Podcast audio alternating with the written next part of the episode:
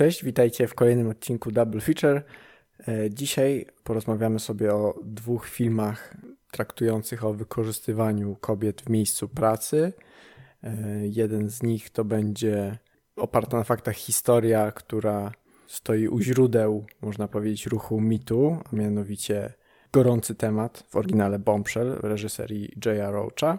A drugi z filmów to będzie asystentka w reżyserii Kitty Green, który przedstawia życie codzienne z perspektywy świadka albo też ofiary przemocy w miejscu pracy, który wpisuje się też w ruch albo też filmy post-mitu.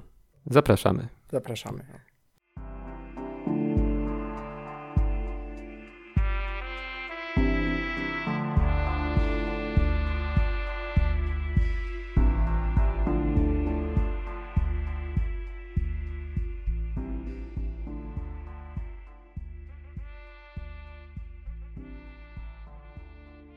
No to zacznijmy może chronologicznie od filmu, który powstał jako pierwszy, ale też którego akcja dzieje się wcześniej, bo w roku 2016.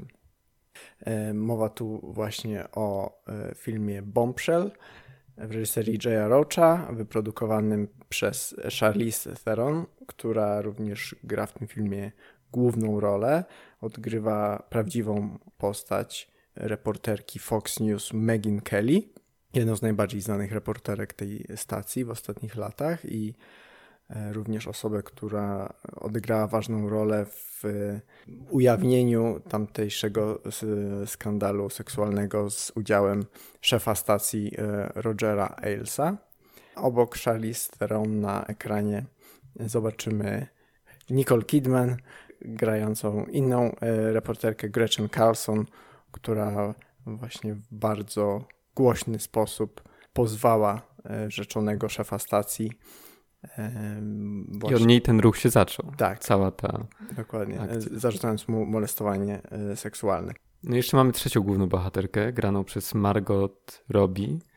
I z tego, co e, przeczytałem, to, to postać wymyślona na potrzeby filmu. Tak, tak. To jest tak zwany composite character, czyli postać, która została niejako zlepiona z kilku e, rzeczywistych postaci, z ich doświadczeń, którymi, którymi kilka kobiet z Fox News podzieliło się e, z twórcami scenariusza.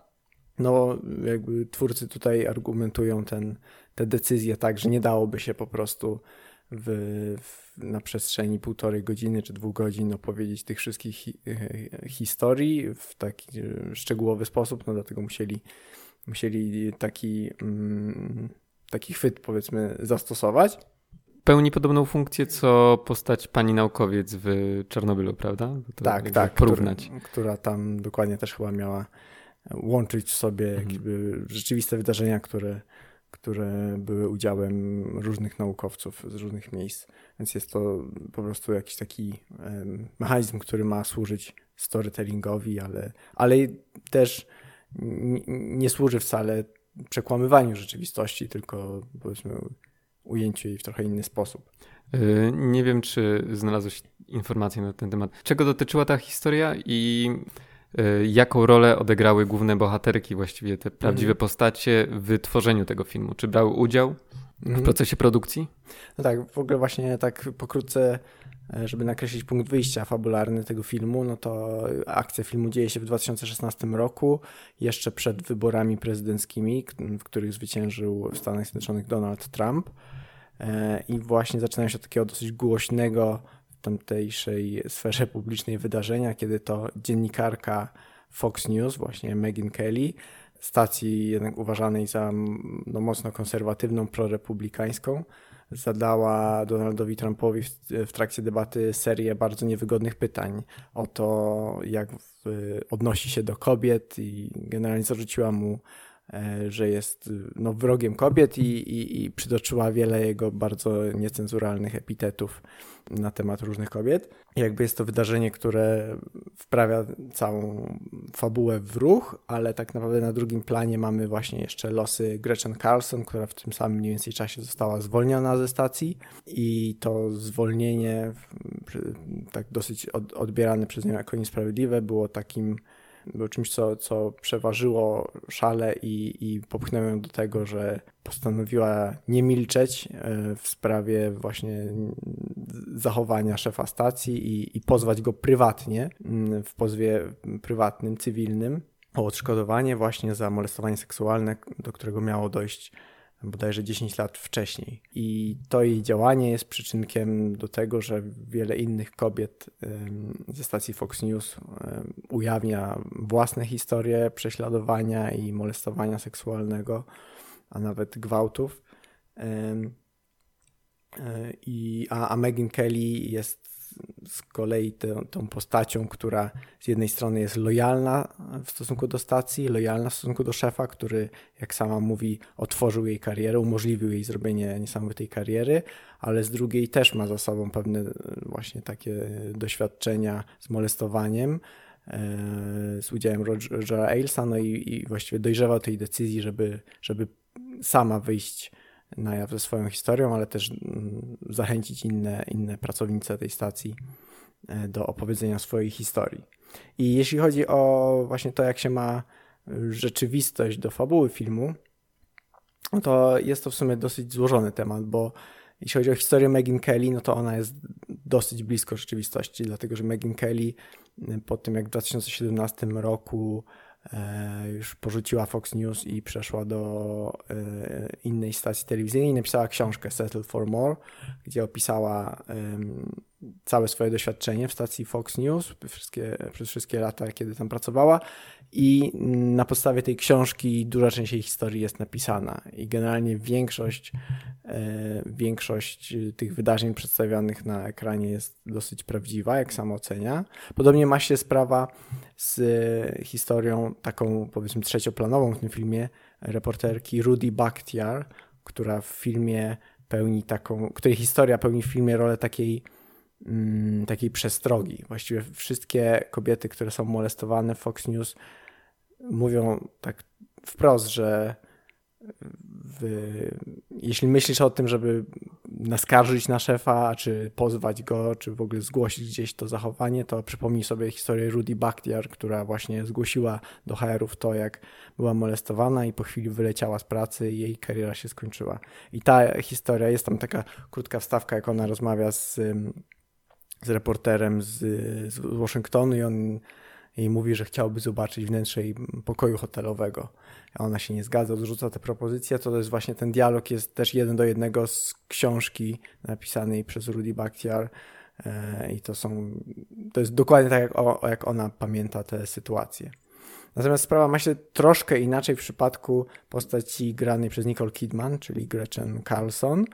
To była właśnie ta reporterka, która została zwolniona i pozwała Rogera Ailsa. Natomiast jako, że ten jej pozew e, skończył się na arbitrażu, bo tam jej kontrakt był napisany w taki sposób, że, mm, że jakby stacja zagwarantowała sobie, że w sytuacji właśnie oskarżenia szefostwa, kogokolwiek z szefostwa o, o coś w pokoju molestowania seksualnego, stacja sobie gwarantuje możliwość pójścia z tym jakby do arbitrażu, a nie do sądu, przez co cały ten proces, powiedzmy, negocjacji z firmą dział się za zamkniętymi drzwiami. I mimo, że Gretchen dostała przeprosiny i odszkodowanie, to do dziś zobowiązana jest tak zwanym NDA-em, czyli Non-Disclosure Agreement i nie może powiedzieć publicznie, co ją spotkało. Dlatego cała jej historia to jest oparta na, e, na jakby zeznaniach, opowieściach jej współpracownic i współpracowników. Zresztą temat jest poruszany w filmie, wydaje mi się, pod koniec, e, kiedy mówią, że jej historię może opowiadać ktokolwiek inny z jej, z jej środowiska. Tak, dokładnie, dlatego też, że jest to istotny wątek, bo po tym jak Gretchen została zwolniona, e, zaczęła bardzo mocno walczyć właśnie przeciwko takim zapisom w umowach, przeciwko takiemu procederowi zmuszania pracowników do zgadzania się na tajny arbitraż w miejsce jawnego procesu. No i do milczenia po prostu. Nie? Tak, i, i w efekcie do milczenia. I co ciekawe, y, dosłownie y, trzy tygodnie temu Joe Biden podpisał ustawę końcu, którą, o którą właśnie między innymi Gretchen z innymi aktywistami i prawnikami walczyła od już ponad czterech lat, właśnie która wyłącza zarzuty o molestowanie seksualne z, z zapisów właśnie wymuszających NDA. E, I nawet na tym uroczystym podpisaniu nawet Gretchen towarzyszyła prezydentowi i była jest taką ambasadorką tej ustawy. Także mm, właśnie ta ustawa już weszła w życie i podobno ma też działać wstecz do umów, które zostały zawarte kiedyś. Także nie wiem, czy to cofa NDA e, Gretchen, sądzę, że nie, ale wszystkie zgłoszenia, które od, od teraz będą jakby procesowane, już, już nie będą mogły być e, jakby na siłę e, procesowane w arbitrażu, więc to jest taka kampania, której Gretchen się e, poświęciła na długie, długie lata, no i w końcu osiągnęła sukces. Mhm. W kontekście tego milczenia, bo wydaje mi się, że film działa dobrze, jeśli chodzi o historię. Mamy tutaj dużo bohaterek, dużo bohaterek, które pokazują swoje motywy za tym, dlaczego mimo dalszych oskarżeń szefa Rogera y, Ilesa nadal obstawały przy nim i dlaczego nie chciały się przyznać do y, tego, y, jak zostały potraktowane przez niego. Mhm. Że daje im pewne motywy. Tak. I to w słowach samych tych poszkodowanych właśnie często w ich opowieściach się pojawia ten motyw, że to wszystko, że to nie jest takie czarno-białe i że ten Roger Ailes nie był takim filmowym, czarnym charakterem. Jak na przykład, y, teraz przypominałem sobie też ten serial z Russellem Crowem, y, The Loudest Voice, który też traktuje o tym samym, ale tak jak wróciłem do kilku odcinków, to mam wrażenie, że on jest tam tak malowany bardzo ciemnymi barwami, jako taki fana fanatyk, paranoik, po prostu głęboko zła osoba. Natomiast e, zarówno w Bombshe, ale chyba jeszcze bardziej w opowieściach tych e, pra prawdziwych pracowników często się pojawiają takie właśnie elementy że, że najtrudniejsze było to, że on w wielu aspektach był powiedzmy dobrym człowiekiem, że rzeczywiście wspierał je w karierze, że dawał im szansę, że, że był taki ojcowski powiedzmy. I to mhm. też wiele badaczy wskazuje na to, że to jest w ogóle częsty przypadek, że, że sprawcy molestowania seksualnego czy innych przestępstw seksualnych często są osobami, które y, jak gdyby zanim do tego dojdzie, przejawiają bardzo wiele pozytywnych cech i zdążą zbudować na przykład też jakąś taką więź zaufania czy, czy emocjonalną z, z, potencjalną ofiarą. No tak, budują tę więź na, za pomocą tego, że raz powiedzą coś dobrego, a później y, o, oczernią tę osobę, nie? Tak, żeby bardziej mm. obrażą. W sensie, żeby tak y, zachować ten -hmm. u swoich mm, podopiecznych chęć y, zyskania kolejnych komplementów. Nie? -hmm. Że to... nie są najlepsi, ale tak. A to też ciekawe właśnie, co mówisz, bo często w tym, jak słuchałem, jest taka, też polecam, jeśli ktoś oglądał film i chciałby gdzieś tam poszerzyć, to jest dostępna na YouTubie półgodzinna taka dyskusja prowadzona przez Megan Kelly, e, która jest taką właśnie reakcją na ten film, prawda? Że po prostu Megan Kelly się spotyka z kilkoma też prawdziwymi hmm. bohaterkami tego filmu, oglądają razem film, a później rozmawiają i zestawiają swoje doświadczenia z tym, jak zostały przedstawione w filmie. I też często mówią, jeśli chodzi i na przykład, co mówią, że bardzo dobrze oddała scena, w której Kayla, bohaterka grana mm. przez Margot Robbie, mm, pierwszy raz pojawia się w biurze u Rogera Ailesa i, i tam Roger Ailes jej każe pokazać nogi, obrócić się i generalnie gapi się na nią i, i, i jest, widać, że jest, że jest podniecony, molestuje ją mm. po prostu. I mm, to, co właśnie te osoby często podkreślają, to że że, że w tym momencie bardziej chodzi, że dużo bardziej chodzi o, o, o stosunek władzy niż mm. o mhm. sam seks. E, że właściwie ten moment jest przede wszystkim takim upokorzeniem, e, a właściwie przejściem przez najpierw to jest takie danie szansy i, i, i dostrzeżenie potencjału, jakby wywyższenie, po czym po chwili bardzo silne takie wskazanie swojego miejsca, znaczy mhm. właśnie sprowadzenie do, do, do jakiegoś obiektu seksualnego i, i właściwie takie pokazanie, że może z tą osobą zrobić co chce. Mhm. I, I, najczęściej mówią to jako o takim bardzo traumatycznym, podcinającym skrzydła i takim uprzedmiotawiającym. Mhm. Nawet właśnie częściej mówią w kontekście mm, takiej stosunku siły i władzy niż w kontekście seksualnym. Właśnie jak, jak y, słyszę określenie molestowanie seksualne, to to pierwsze, co mi przychodzi do głowy, no to dotyk, tak? Ten, że musi dojść do jakiegoś dotyku. A tutaj to molestowanie jest nadal seksualne, mimo odległości tych osób. I wydaje mi się, że tutaj też działa to, że on najpierw im obiecuje, rozmawia z nimi normalnie, nic nie wskazuje na to, że będzie czegokolwiek wymagał, mówi, że dobra, tutaj rzeczywiście masz jakieś predyspozycje, masz ambicje, ja ci mogę to zapewnić, spoko.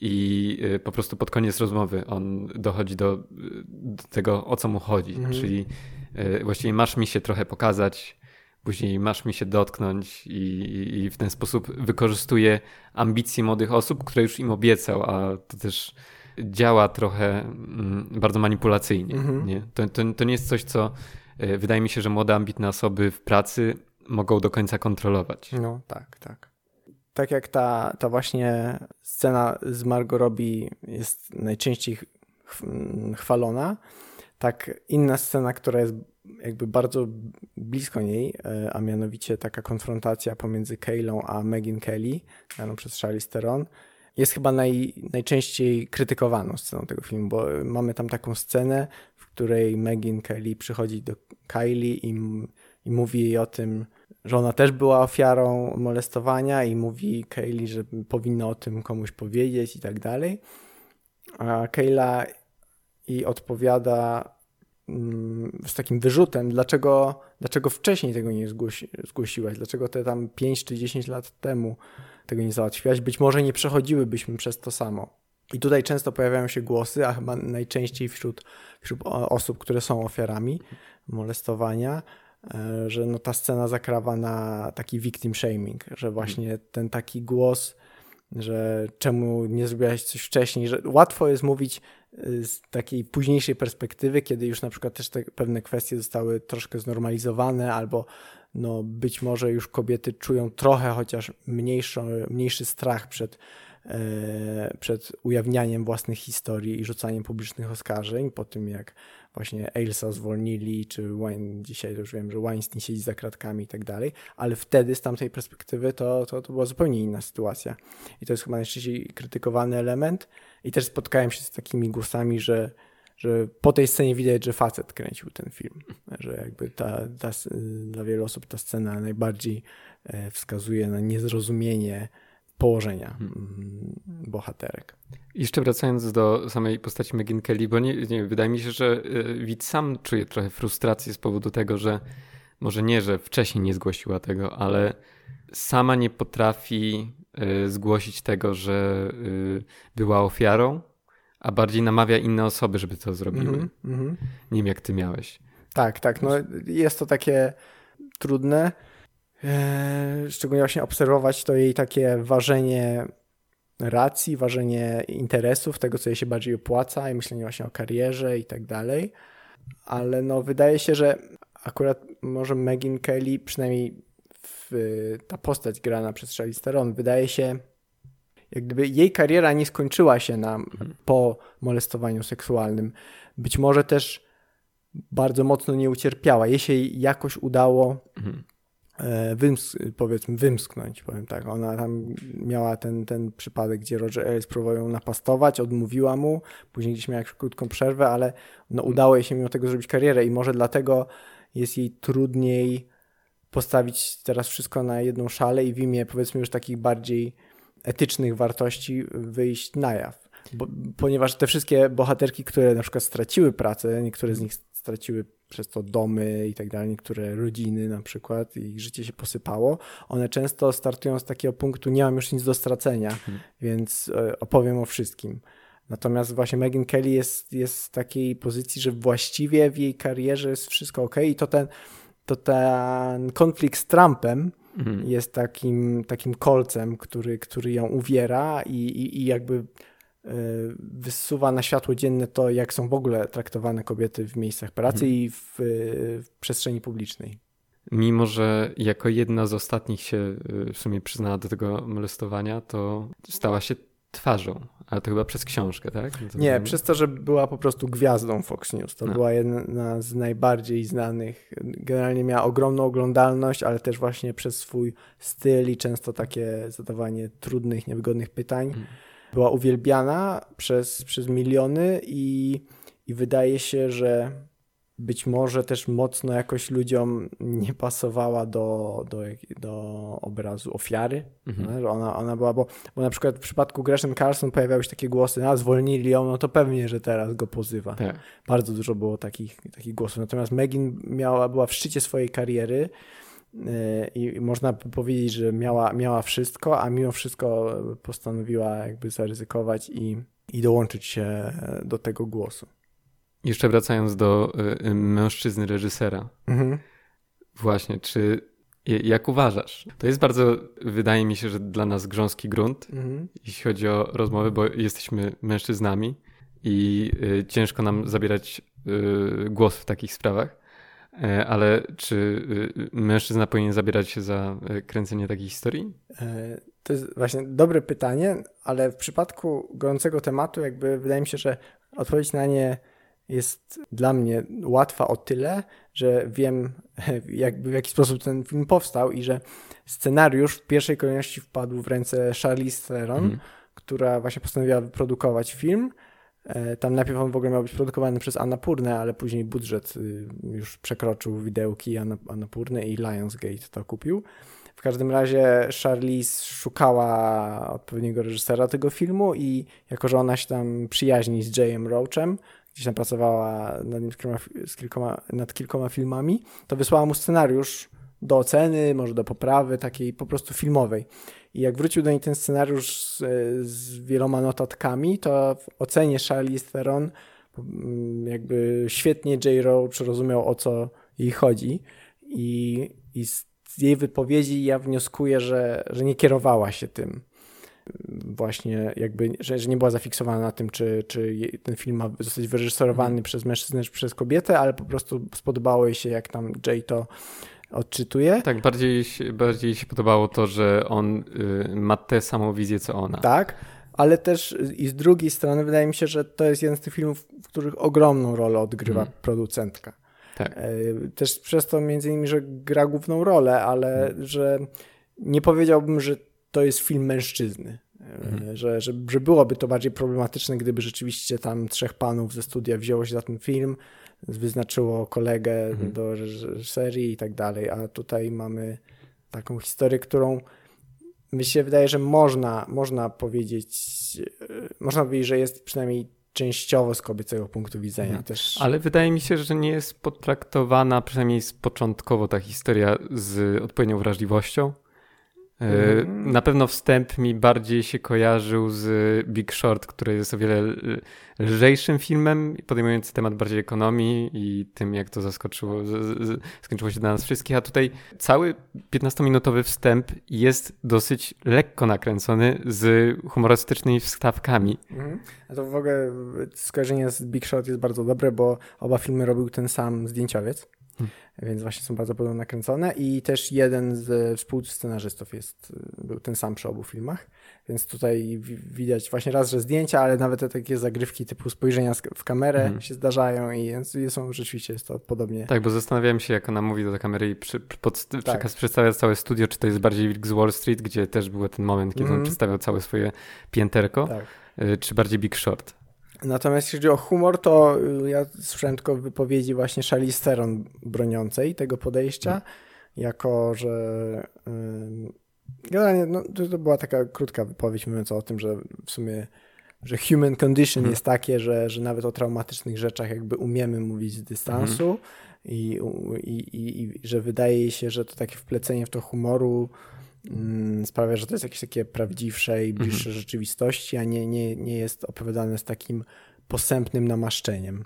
Więc to było, była powiedzmy po prostu decyzja mhm. artystyczna, na którą się zdecydowała. I, i to też i to też z tych, bo, bo słuchałem zarówno długiej rozmowy z Charlize, jak i e, osobnej z J.M. Roachem i jakoś tak odnosiłem często wrażenie, że bardzo wiele kluczowych decyzji artystycznych było na poziomie producenckim. Mhm.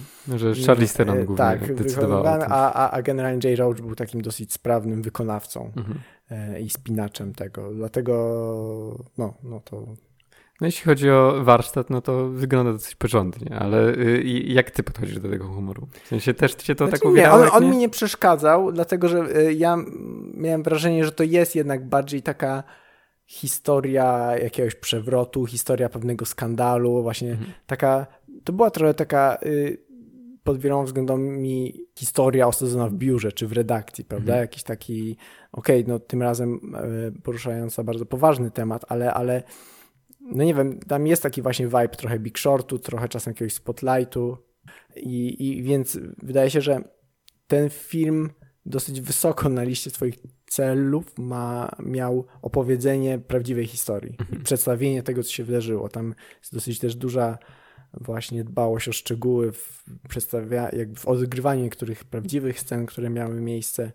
I dlatego też dosyć szybko, jak wszedłem w ten film, to nie traktowałem go jako jakieś takie jakiegoś, in, nie wiem, intymnego czy wnikliwego dzieła wchodzącego na przykład w, we wnętrze, w psychikę, w sferę emocjonalną ofiary czy też sprawcy, że bardziej jest to mm, wydaje mi się film o, o pewnym zjawisku, Mhm. o pewnym takim przełomowym momencie, w którym właśnie wiele osób, które, które dotychczas jakby ukrywały Mhm. własne, własne krzywdy, jednak dochodzi do wniosku wspólnie, że, że, że już nadszedł czas, żeby, Mhm. żeby to zmienić. I, I wydaje mi się, że też troszkę taki jest zamysł bardziej tego filmu. I dlatego właśnie chyba, chyba nie uważam, że, że, że, że każdy film o tej tematyce musi być jakiś, jakiś bardzo, bardzo poważny i, i, i ponury, że, że nie da się jednym filmem opowiedzieć wszystkiego. I myślę, że też jak właśnie dzisiaj sobie zderzymy te dwa filmy, to one trochę pokazują dwie, dwie różne strony tego samego. Mhm. Tak, bo tutaj mamy bardziej historię taką y, rejestrującą wydarzenia, plus dodające motywy naszym postaciom, czy tam bohaterkom trzecio, drugo, czwartoplanowym. I myślę, że w, tem, w tej chwili możemy przejść do asystentki, która już powstała na podstawie wydarzeń, czyli na podstawie wydarzeń. Reżyserka asystentki, Kitty Green, zajmowała się swoim kolejnym projektem dokumentalnym, bo wcześniej kręciła tylko i wyłącznie filmy dokumentalne, między innymi Ukraine is not a brothel, Mhm. y, czy casting na Joe Bennett. I y, wtedy była przygotowana na, na to, żeby zrobić y, film o przemocy i też y, Age of Consent i o y, tem, takim temacie na uczelni, jednej z uczelni. I w tym momencie wybuchł skandal z y, Harveyem Weinsteinem i w tym momencie zaczęła się interesować tematem, robiła research dotyczący ofiar przemocy, o tych mm, wszystkich ludziach, którzy opuścili, e, dziewczynach, które opuściły branżę ze względu na sytuację w miejscu pracy. I z tego powstał właśnie film Asystentka, który przedstawia właściwie jeden dzień z perspektywy asystentki y, szefa firmy, firmy produkcyjnej, e, filmowej. E, I tutaj mamy tego szefa nigdy nie pokazanego, słyszymy tylko jego głos miejscami. Postać teoretycznie była wzorowana na Harvey Weinsteina, ale to, ale to nie Mhm. jest najważniejsze. Najważniejsze w tym filmie jest perspektywa osoby, y, która żyje w tym świecie na co dzień. Aha, czyli mówisz, że, że, że historia Weinsteina była tylko jakąś inspiracją, natomiast... Tak, inspiracją, ale już- sama postać i Mhm. sama atmosfera w miejscu pracy była inspirowana wieloma firmami Mhm. w Hollywood. Okej, ale to, to rozumiem, czyli y, jakby jakiś taki research jest, jest oparty o po prostu zbieranie doświadczeń e, właśnie rozumiem różnych pracowników, pracownic, Tak. tak, film, film produkcyjnych, ale, ale, ale generalnie raczej w branży filmowej. W branży filmowej, tego się tak, obracamy. Właśnie była bardzo zdziwiona, że jedna, jedna widzka po y, pokazie filmowym asystentki podeszła do niej i powiedziała: Jezu, ja pra- pracowałem w firmie, produ- firmie produkującej jachty i to jest totalnie to, co doświadczyłam. Mm. I ją bardzo zdziwiło, że to doświadczenie jest bardzo uniwersalne, nie No. tylko do branży filmowej się odnosi. I też y, takim ciekawym i trochę mi się wydaje definiującym wyborem artystycznym dla tego filmu jest to, że, że cała fabuła obejmuje tylko jeden dzień Mhm. i zaczyna się rano, kończy wieczorem. W ogóle ja ci powiem, że y, nie zdałem sobie z tego sprawy O. do momentu z samej końcówki, Mhm. kiedy y, właściwie poruszany jest temat z początku tego dnia. Że y, miała zadzwonić do ojca na urodziny i dzwoni do Mhm. niego do, dopiero pod koniec dnia pracy. O, to nie, to mi się, Dla mnie to wyglądało jak przekrój tych mi się to dni. dosyć rzuciło. Wprawdzie jest to bardzo długi dzień Mhm. i dużo się tam mieści, ale, ale no też to, że właśnie zaczyna się bardzo wcześnie rano, właściwie jeszcze w nocy i kończy już też praktycznie w nocy. W ogóle to zresztą jak film jest nakręcony i yy, w jaki sposób, to widać, że reżyserka bardzo mocno inspirowała się Jean, Jean Dimon Mhm. Y, są sceny w kuchni, które wyglądają jak y, kropka w kropkę. No, Też sceny w kuchni z Jean Dimon przy obieraniu ziemniaków między innymi. I układ w kuchni jest mniej więcej taki wow. sam. Tak mi się od razu to rzuciło i jak no. sprawdziłem, to byłem taki, o, nie dziwię wow. się. No w sumie tak. No, uniwersal... Zresztą sam rytm filmu jest dosyć powolny. Yy, prawda? Tak, takie. Widzimy bohaterkę na wykonywaniu takich codziennych, poza sytuacjami w miejscu pracy, to jeszcze w miejscu pracy yy, ona sprząta, przygotowuje sobie jedzenie, tak, bo takie e, właśnie definiujące dla niej, dla jej pozycji jest właściwie to, że ona jest mhm. na tak zwanym entry level job w tej firmie produkcyjnej. Tam pracuje tam bodajże dwa miesiące mhm.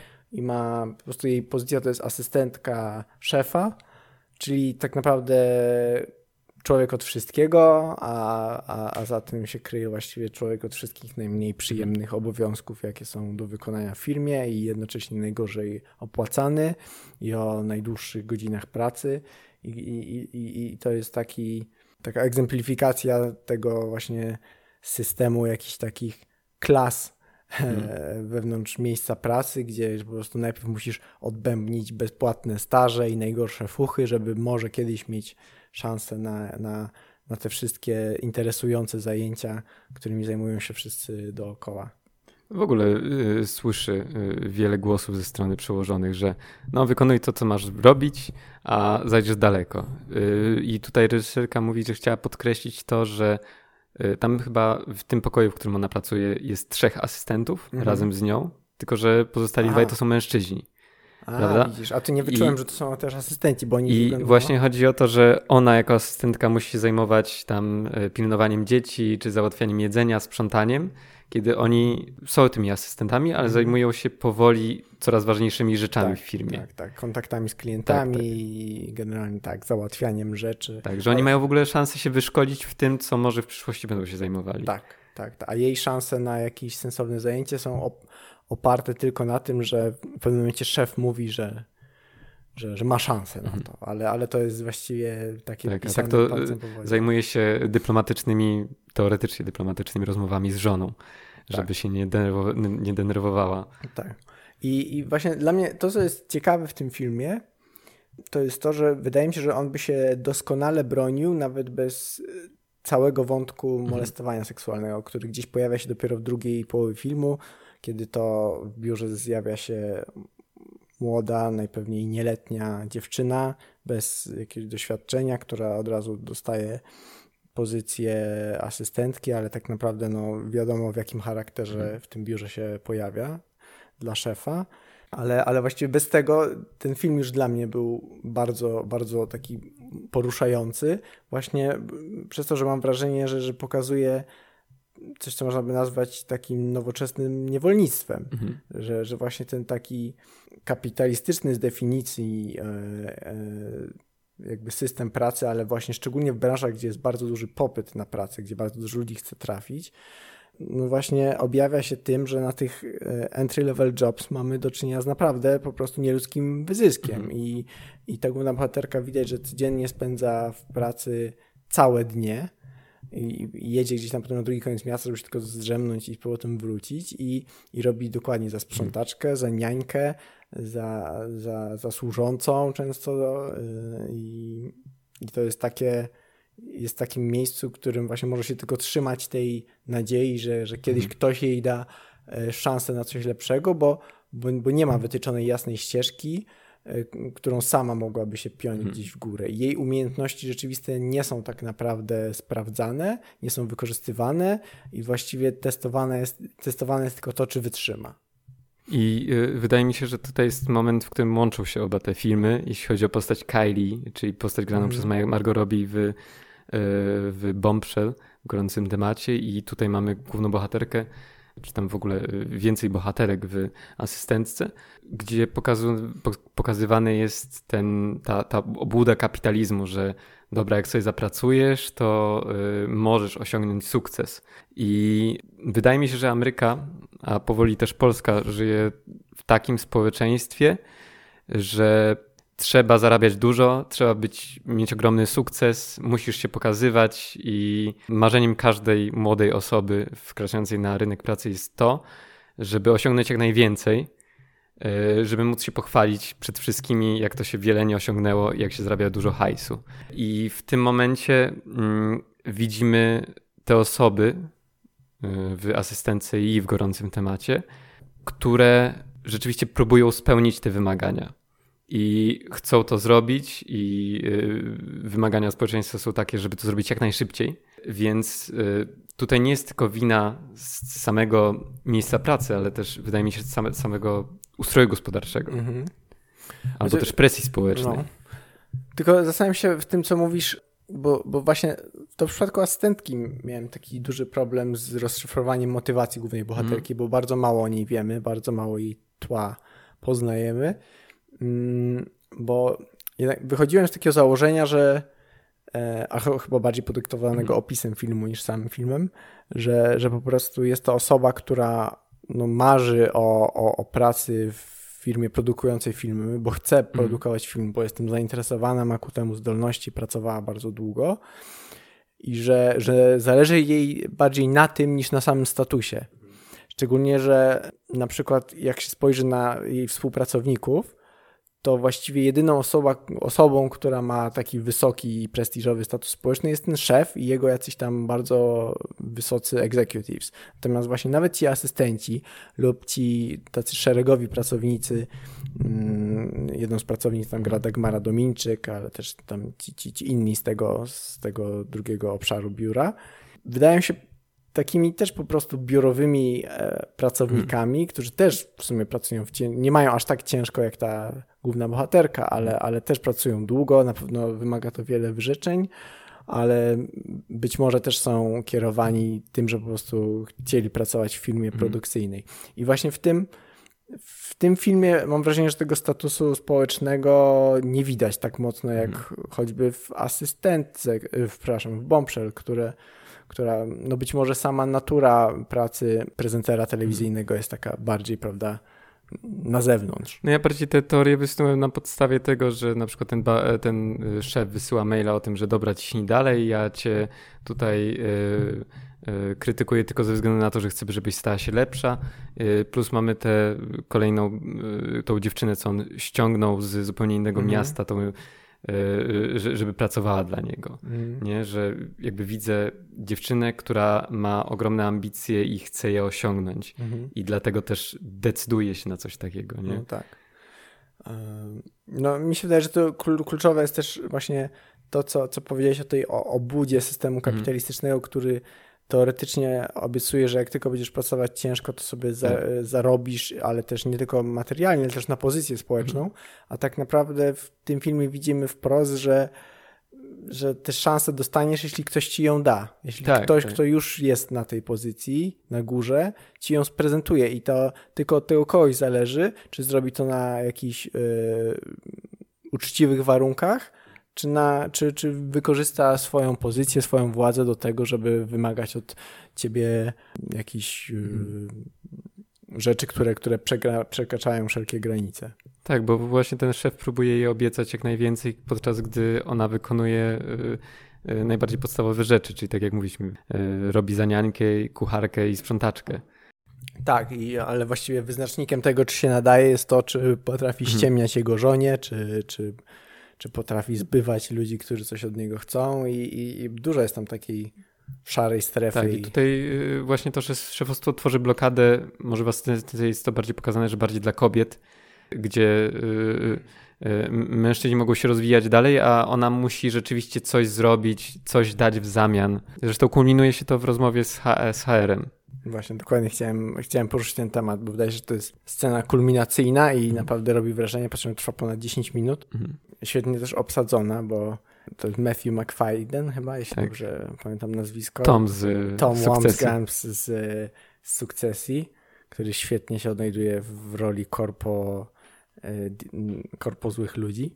W ogóle reżyserka Kitty Green, e, e, ona go zatrudniła, poza tym, że jest świetnym aktorem, to ona go kojarzyła tylko i wyłącznie z Dumy i Uprzedzenia. O. A dopiero później na castingu pokazywali jej filmiki Wow. z sukcesji. Wow, no, to miała dobry, dobry instynkt.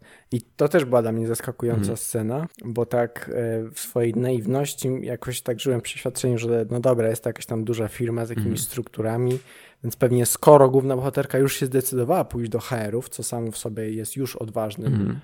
od jakoś tam odważną decyzją, to miałem takie założenie, no dobra, no to znaczy, że ufa HR-om na tyle, że może rzeczywiście w tej firmie są normalne HR-y, które zapewniają jakąś, jakąś poufność i, jakieś poważne podejście do spraw pracownika.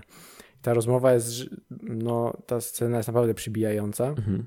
Uważam świetnie wy, tak wykalibrowana, Powiedziałbym, że to jest najciekawszy element filmu. Tak, chyba, chyba tak, bo to ten niesamowity miks, że z jednej strony ten. e, Ten y, pracownik HR wydaje się taki pomocny, tak, i ale taki- później okazują się jego prawdziwe intencje. nie? Dokładnie, i wydaje się słuchać z taką uwagą, Mhm. prawda? I mimo, że dzwoni mu telefon w międzyczasie i dobra, ma tam kilka głupich żartów, ale one jeszcze aż tak nie przekraczają Mhm.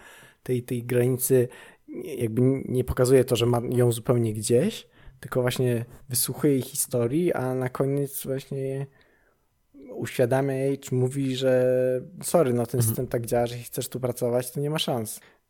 Że jak przyjmę tę skargę, to ciebie tu nie będzie i mam 400 miejsc na twoją osobę. Mhm. E, Na, mam 400 osób na, Mm. na, na twoje miejsce. Kitty Green mówiła o tej scenie, że to miało pokazywać, że HR nie jest po to, żeby chronić pracowników, ale bardziej po to, żeby chronić firmy. Nie? No tak, Bo tutaj oni najpierw pójdą do HR-u, a nie do sądu, więc w ten sposób ta firma się broni i zagrożą Mhm. trochę zwolnieniem. I wracając do Bombshell, to właśnie ten Tak. kasus. Tak, i w sumie w historii Bombshell przewrotne jest to, że do tego śledztwa, które ujawniło w historii tych wszystkich pracownik, y, pracowników i pracownic, przyczyniło się właśnie nie jakieś wewnętrzne Mhm. struktury i procedury, na przykład HR-owe, tylko y, że to śledztwo zostało jakby y, nakazane czy, czy uruchomione przez właścicieli stacji, Mhm. przez Murdochów, którzy wykazali się no, trochę większą właśnie wrażliwością Mhm. na, na doniesienia swoich pracownic niż, niż szef samej stacji. I to oni właściwie, a podobno za namową przede wszystkim Megyn Kelly, doprowadzili do tego, że rzeczywiście jakaś tam zewnętrzna, niezależna i porządna firma prawnicza się zajęła tym śledztwem i, i, i doprowadziła do, do, do wymuszenia na Rogeru Ailesie złożenia rezygnacji. Ale tak właśnie, bo jeszcze nie zdążyłem wtedy dopowiedzieć, ale to, to też, zresztą ostatnia e, plansza filmu Bombshell o tym informuje, Mhm. ale no rzeczywiście Roger Ailes został zmuszony do złożenia rezygnacji, ale dostał ogromną odprawę. Źródła mówią od 40 do 65 milionów, chyba zależy jak to liczyć. Natomiast wszystkie odszkodowania dla pracownic razem wzięte nawet nie, nie dotknęły tej kwoty. Więc no, jakby sprawiedliwości nie do końca stało się zadość, chociaż, chociaż też pojawiają się głosy, że no, przynajmniej go zwolnili, to znaczy Mhm. przynajmniej przestał być szefem. Chociaż tak naprawdę No. aż do swojej śmierci dalej doradzał Murdochowi w prowadzeniu stacji i po prostu był taką osobą działającą No ale nie działał już w budynku i nie miał wpływu na, Tak, tak. na, na pracownicę. i nie dopuszczał się bezpośredniego Tak. molestowania. Tak jeszcze wracając do HR-u właśnie w asystentce, to dostajemy te wszystkie kropki jakby do połączenia. Wi- Widz, tak jak wszyscy w filmie wiemy, co się dzieje, czego dopuszcza się y, tamtejszy szef, ale w momencie, kiedy to wypowiedziała bohaterka w, tym, w tej konsultacji z HR-em, to zdałem sobie sprawę, Jezu, w sensie to jest zupełnie nie do, do, Udowodnienia. do udowodnienia, bo dostajemy, dostajemy jakieś tam poszlaki, tak jakby z, z jakiejś powieści Sherlocka Holmesa, że dostajemy takie małe fragmenty, Tak. z których się nie da, uło- raczej da się ułożyć coś, ale nie są niepodważalnym dowodem, który można by złożyć w sądzie No, i dokładnie. da się poczuć tę bezsilność Tak, tak, tak. w tamtej sytuacji. No tak, właśnie te pogubione kolczyki, Mm. te jakieś rozmowy, żarty pracowników, ale Także dobra, no znalazłaś kolczyk, tutaj na podstawie żartu coś zinterpretowałaś, ale no co tak, z tym zrobisz? No, jakby i to właśnie trochę pokazuje, że, że chyba najważniejsze w zapobieganiu Mm. tego typu zjawiskom jest, jest jakaś kultura Mm. pracy, prawda? I wrażliwość i, i, i jakby też takie może społeczne przyzwolenie na, na mówienie o pewnych rzeczach na głos, bo, bo nie można Nie można jakby opierać się tylko na prawie i Mhm. na właśnie twardych dowodach, bo no, nie dysponujemy nagraniami Mhm. z właśnie, nie wiem, z, z wnętrza gabinetu i tak, no bo to y, trzeba by było jak najwcześniej to zgłaszać, a żeby jak najwcześniej to zgłaszać, to by kobiety nie powinny się tego bać, na przykład zwolnienia, no bo jak stracą pracę, no to co mogą robić? Co więcej, właśnie często nie chodzi tylko o tą jedną pracę, tylko o to, że w danej branży często taka osoba jest przekreślona. Tak? Tak. Te większość reporterek, które zostały zwolnione z Fox News po molestowaniu, skończyły karierę, bo, bo nikt ich już nie chciał zatrudnić. W ogóle jak to by, było normalizowane, nie wiem, ja jak byłem młody, to wydaje mi się, że pełno było ża- żartów o tym, że przespała się z szefem i dlatego awansowała i to było bardziej w atmosferze żartów. Dobrze, tak już może zbliżając się do końca, jeszcze Mhm. chciałem zwrócić uwagę na, na, na taki ciekawy technicznie aspekt asystentki, bo szczególnie w pierwszej połowie filmu miałem wrażenie, że świetnie jest wyprodukowany w tym filmie dźwięk i że Mhm. jest tam cała plejada dźwięków biura, które właśnie tworzą taki klimat bardzo obcego, nieprzyjemnego miejsca. Te wszystkie właśnie nie tylko rozmowy współpracowników, ale jakieś kopiarki, niszczarki, mm, sprzęty kuchenne, ale to wszystko jest, mam wrażenie, często głośniejsze niż, e, niż dialogi. I, I nie wiem, brzmiało to jakby ktoś bardzo dużo energii na to poświęcił. Nie wiem, czy udało ci się coś znaleźć na, na ten temat. Y, Sound designem zajął się pan Leslie Schatz. On też pracował przy y, Słoniu. Mm, Gosa Van Santa, on w ogóle z nim często współpracuje. Y, Też robił sound design y, do córki tegorocznej. I y, tutaj właśnie spędził dużo czasu na zbieraniu dźwięków biura i Nowego Jorku, żeby to jak najbardziej było przestrzeń biurowa, żeby ten szum pozostał ci w, w ty, z tyłu głowy jak najdłużej. Zresztą reżyserka chciała zrobić film zupełnie bez żadnej muzyki, ale ze względu na y, takie wymagania dystrybutorskie, Mhm. żeby ktoś to chciał puszczać, no to dała muzykę na koniec i na początek. Mhm. Zresztą ten film nie był, mm, nie był finansowany przez duże studio, tylko był finansowany z pieniędzy prywatnych przez anonimowe osoby. O, Nie, nie, nie chciały się ujawniać. wow, to ciekawe. Właśnie No budżet właśnie- to było około 2 miliony. No właśnie widać, że to ma bardzo mikroskopijny Mhm. budżet, że to właściwie jest wszystko... Znaczy jak na Stany oczywiście mikroskopijny no budżet, tak, nie 2 tak. miliony. No jak na filmy. dolarów. Tak, no. Bo widać, że to wszystko jest kręcone gdzieś w jednym biurze, w jednym miejscu. Właściwie większość, jakby chyba może z wyjątkiem głównej bohaterki, to wiele pewnie scen się udało w jeden Mhm. dzień zdjęciowy nakręcić, bo to jest kilka dosłownie przestrzeni. Ale właśnie film prze- przez to jest bardzo taki skupiony i mam wrażenie skuteczny przez to, Mhm. że, że to też ta, ta decyzja o tym, że pokażemy tylko jeden dzień, taki powiedzmy typowy, no to właśnie jak w szkatułce pokazuje cały problem, całą toksyczność tego środowiska i całą taką beznadzieję sytuacji, w której się znalazła dziewczyna, która pewnie miała bardzo dobrą edukację, świetne widoki na Mhm. przyszłość i marzenie o pracy w firmie produkującej filmy, a właśnie wylądowała w miejscu, gdzie musi tam sprzątać stare pączki po współpracownikach i, i Załatwiać jedzenie Tak. i niańkować dzieci. dokładnie. Ale pewnie masz jeszcze pytanie, skąd y, taki rozrzut y, opinii między krytyką a widzami? A tak, świetnie odczytałeś moje intencje. Yy, No właśnie, bo widziałem, że na Rotten Tomatoes ten film ma 92% i w ogóle w, w, pamiętam w sezonie festiwalowym było o nim Mhm. dosyć głośno, chociaż też był tak marketowany, pamiętam, że taki thriller e, Me Too, i myślałem, że tam będzie taki trochę bardziej takich rzeczy uuu. Yy, ale, ale, ale widzę, że tak opinie widzów, no którymi co prawda się zazwyczaj nie przejmuję, Mhm. No ale że, że nie są jakieś, jakieś wybitne. No, w sensie dwa, y, między tym, że krytyka dała chyba tam nie wiem, około 100% pozytywnych recenzji na Rotten Tomatoes, a widzowie to 20%, czyli 80% negatywnych, no to je- jest to duży odwrót, Mhm. nie? To podobnie, podobnie jak suwenir. Ale to odpowiem ci na to pytanie, to pytanie tak, że ja jestem jednym z tych osób, co się film nie podobał. O kurczę. A co ci się nie podobało? W sensie dla, ten film, to jak o nim rozmawiamy, jak ktoś by mi go przedstawił, to to brzmi jak super film. Super pomysł na film. Taki, że życie codzienne, przedstawione z perspektywy ofiary, że tego szefa nie widać, e, że ta atmosfera przemocowa. Ale film był dla mnie cholernie nudny. To jest, to jest coś, co brzmi dla mnie świetnie na papierze. Ja mogę o tym, o tym książkę przeczytać i bym się zaciekawił, ale Jezus Maria, ledwo co wytrzymałem, a y, jedynie podtrzymała mnie na życiu właśnie ta rozmowa z HR-em, mm. która była chyba jedynym emocjonującym momentem w filmie.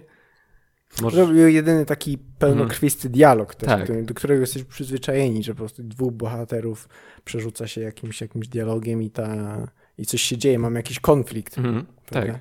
tak, ale y, widziałem Jean Dimon, która mi się też zresztą niezbyt podobała. W sensie, y, bardziej byłem przykuty do ekranu do Jean Dimon, tylko nie zrozumiałem, dlaczego miałbym to oglądać.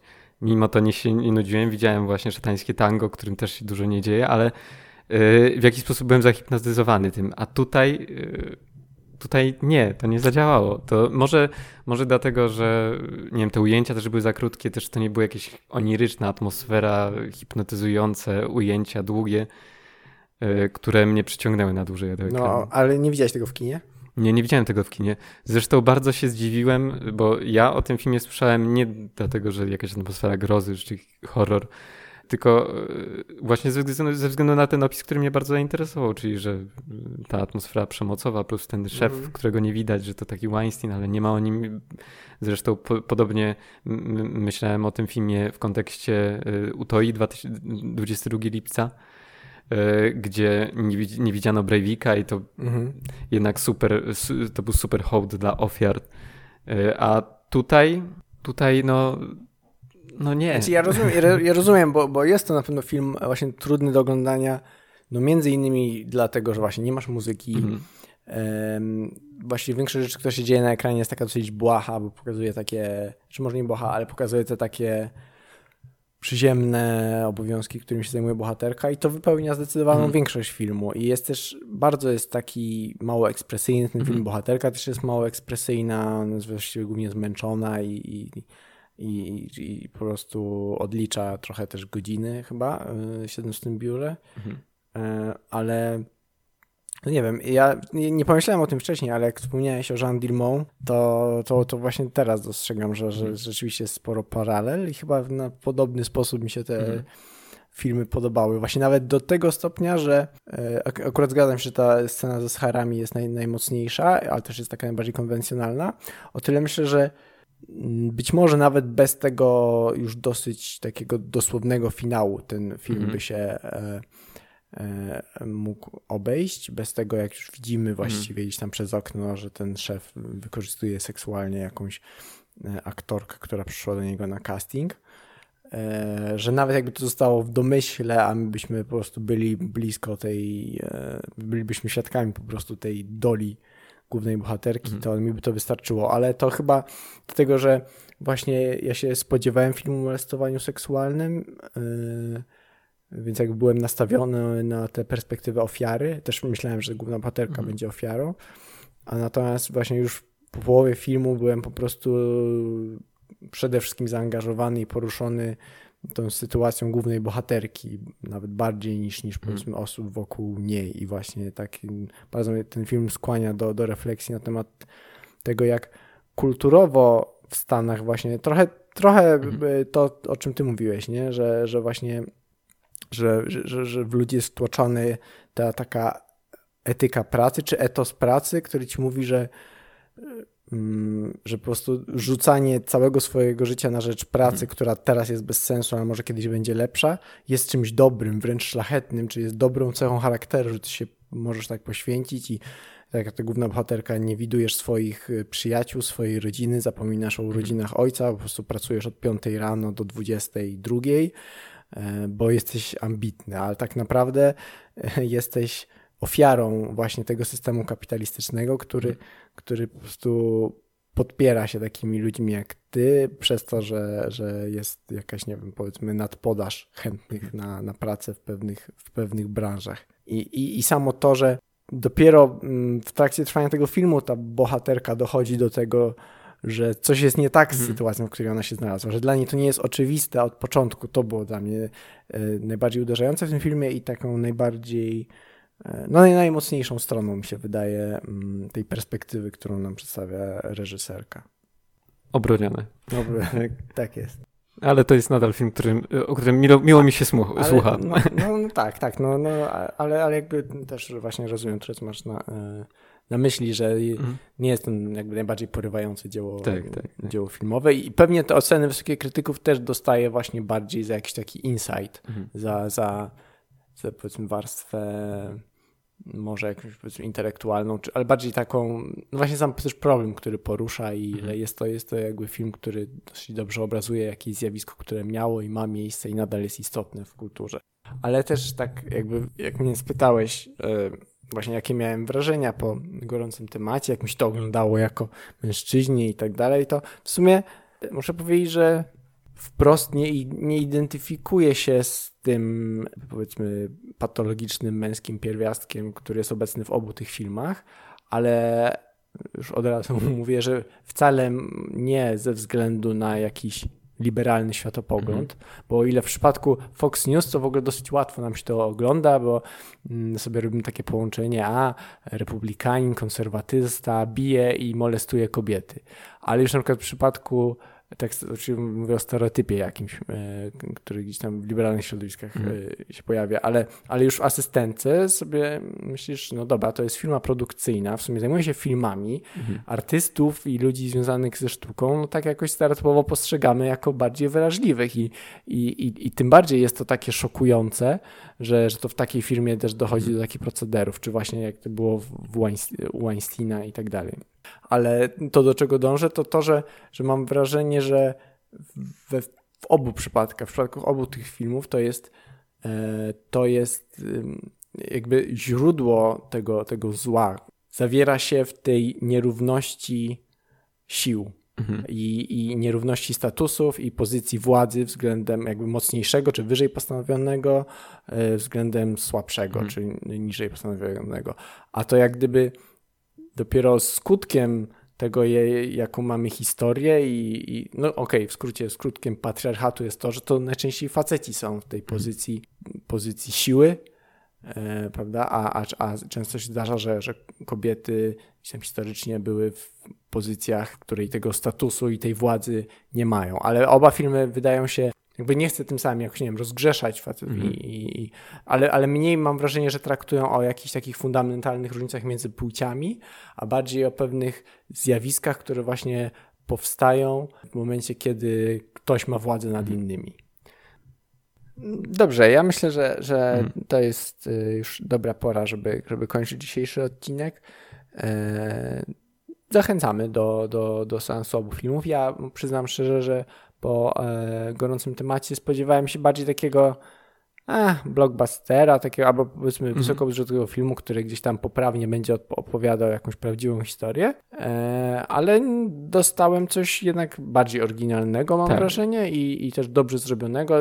Dla mnie to był też stylistycznie fajny balans takiej lekkości, trochę publicystycznej, trochę tej big shortowego humoru z, z bardzo dobrymi rolami. No przede wszystkim Charlize Theron i, i Margot Robbie mm. uważam, tutaj zasługują na, na wyróżnienie i, i bardzo dobrze się ten film ogląda. Na pewno jest to w mojej ocenie bardziej udane dzieło niż, niż właśnie na cały głos ten miniserial z Russellem Crowem, który mniej więcej samą historię opowiada, tylko... Którego szczerze nie polecasz. No, którego nie do... próbowałem dwa razy i nie mhm. dotrwałem hmm. do końca, bo on wprawdzie opowiada całą historię Fox News, to on jest na przestrzeni 15-20 lat, to jest o Rogerze Ailesie, ale, ale nawet ten wątek y, molestowania seksualnego jest tam tak bardzo bardzo siermiężnie malowany takimi biało-czarnymi barwami i wydaje się, że mm, po prostu no, ten serial mógłby na celu demonizować jakby Rogera Elsa, mhm. który na pewno nie był świetnym człowiekiem, ale po prostu